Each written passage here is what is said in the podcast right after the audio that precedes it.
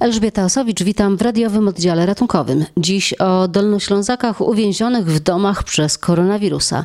Na kwarantannie lub w izolacji obecnie jest w regionie ponad 2600 osób. Niektórzy z nich nie wychodzą z domów ponad miesiąc, chociaż czują się dobrze.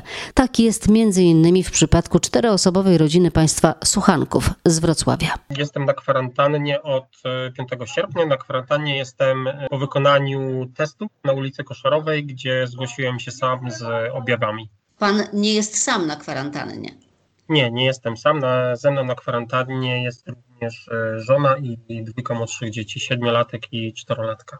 To już dość długo trwa. Trwa to tak długo, dlatego że po pierwsze na samym początku były ogromne problemy z tym, aby ustalić, kto się opiekuje naszymi dziećmi, więc nasze dzie dzieci, które powinny być przetestowane po pierwszym teście w miarę szybko, tam bodajże to było 10 albo 14 dni, były testowane dużo później, ponieważ dwa szpitale Koszorowa i Chałubińskiego nie potrafiły się dogadać, który z tych szpitali jest odpowiedzialny za opiekę nad e, naszymi dziećmi.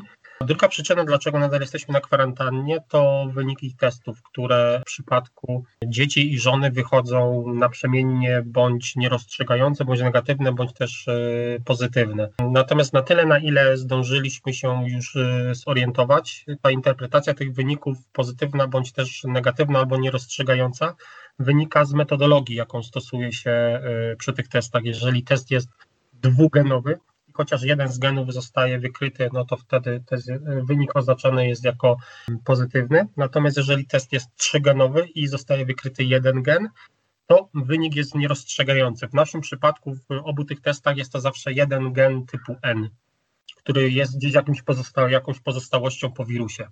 A żeby wyjść z domu, żeby być zwolnionym z kwarantanny, trzeba mieć dwa razy wynik ujemny i na to czekacie. Tak, u nas w domu na kwarantannie są cztery osoby, więc oznacza to, że każda z tych osób musi być dwukrotnie przetestowana negatywnie. Co więcej, te testy, które są pobierane od naszych dzieci i zarówno od, ode mnie i od małżonki przychodzą w różnym, różnym czasie. To nie jest tak, że te testy są pobierane tego samego dnia przez tą samą karetkę, ale one po prostu zjawiają się w zupełnie różnych dniach i zupełnie różnych porach. Jakbym miał to opisać, to my się czujemy troszeczkę tak jak w grze Monopoly, gdzie trafiliśmy do więzienia i teraz y, trzeba wziąć dwukrotnie wyrzucić z rzędu szóstkę, żeby z tego więzienia wyjść. Tylko w naszym przypadku muszą to zrobić cztery osoby z rzędu co może być e, trudne. Jak wy się czujecie? My nie posiadamy żadnych obecnie objawów, e, czujemy się bardzo dobrze. Dzieci roznosi energia, no, ale stosujemy się do zasad, które zostały nam narzucone, zasad kwarantanny, w zasadzie izolacji domowej, no i, no i siedzimy. Jesteście w kontakcie z lekarzem? Na początku ten kontakt był dosyć utrudniony, to znaczy się przez pierwsze praktycznie dwa tygodnie, poza tym początkowym kontaktem, to mało kto się z nami kontaktował. W ogóle mieliśmy też bardzo ogromne problemy, żeby dodzwonić się czy to do sanepidu, czy też na ulicę Koszarową. Obecnie ten, kontakt wygląda troszeczkę lepiej, dlatego że dosyć mocno skanowaliśmy właśnie ten brak kontaktu. Natomiast ten kontakt też jest dosyć taki, bym powiedział, loteryjny, bo kiedy my próbujemy się dodzwonić, no to są ogromne trudności, natomiast y, od czasu do czasu, według jakiego klucza nie wiemy, kontaktuje się z nami koszarowa, czasami z żoną, czasami ze mną. Policja się z wami kontaktuje, kontroluje was, czy jesteście nie. na kwarantannie? Nie, od samego początku kwarantanny nie, byli, nie była u nas ani jeden raz e, policja. Co pan myśli o tym e, sposobie testowania? No, jest on do, dla mnie dosyć skomplikowany albo może niedostosowany do rzeczywistości, ponieważ na tyle, na ile się orientuję, w jaki sposób te testy są przeprowadzane i, i w jaki sposób ta cała reakcja PCR działa, no to on wykrywa w naszym przypadku tak, tylko jeden fragment genu e, tego wirusa. A to nie oznacza, że ten wirus potrafi się replikować dalej. Więc według mojej wiedzy, pomimo tego, że, że, że ten wirus wykrywany jest, no my już zarażać nie zarażamy, więc teoretycznie moglibyśmy być wypuszczeni, zwłaszcza, że też już od dłuższego czasu czujemy się dobrze.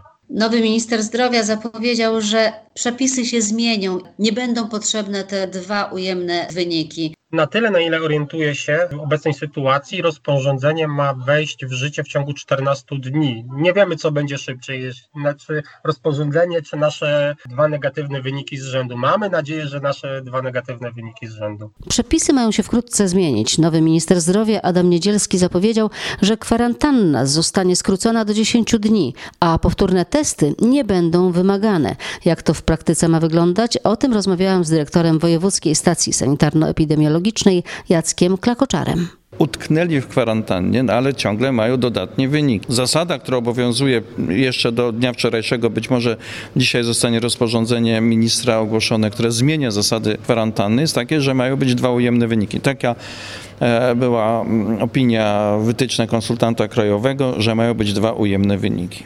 Z różnych powodów w jednostkowych sytuacjach zdarzało się, że uzyskanie tych dwóch kolejnych dniach ujemnych wyników no było bardzo trudno. No tutaj się już różnego rodzaju osoby, które tego wirusa analizują naukowo, no mówią, no ale to może jakieś fragmenty tego RNA gdzieś tam krążą, no i te wyniki, mimo tego, że nie ma tego wirusa w sensie jego aktywności, one fałszują nam to badanie. No, Trochę loteria. Y, no ale jednak zdecydowana większość no, uzyskiwała te dwa ujemne wyniki, no i z tej kwarantanny była zwalniana. Mogą się też pojawić, no niestety tutaj jest ten czynnik ludzki, różnego rodzaju kłopoty techniczne, no żeby pobrać te, te, to badanie w odpowiednim czasie, wykonać. Tego też nie można wyeliminować, biorąc pod uwagę skalę zjawiska, że to są no, tysiące ludzi, którzy w danym dniu przebywają e, w izolacji lub w kwarantannie, no bo to są trochę inne pojęcia. Może być źle pobrany? Gdzie jest człowiek, tam są błędy.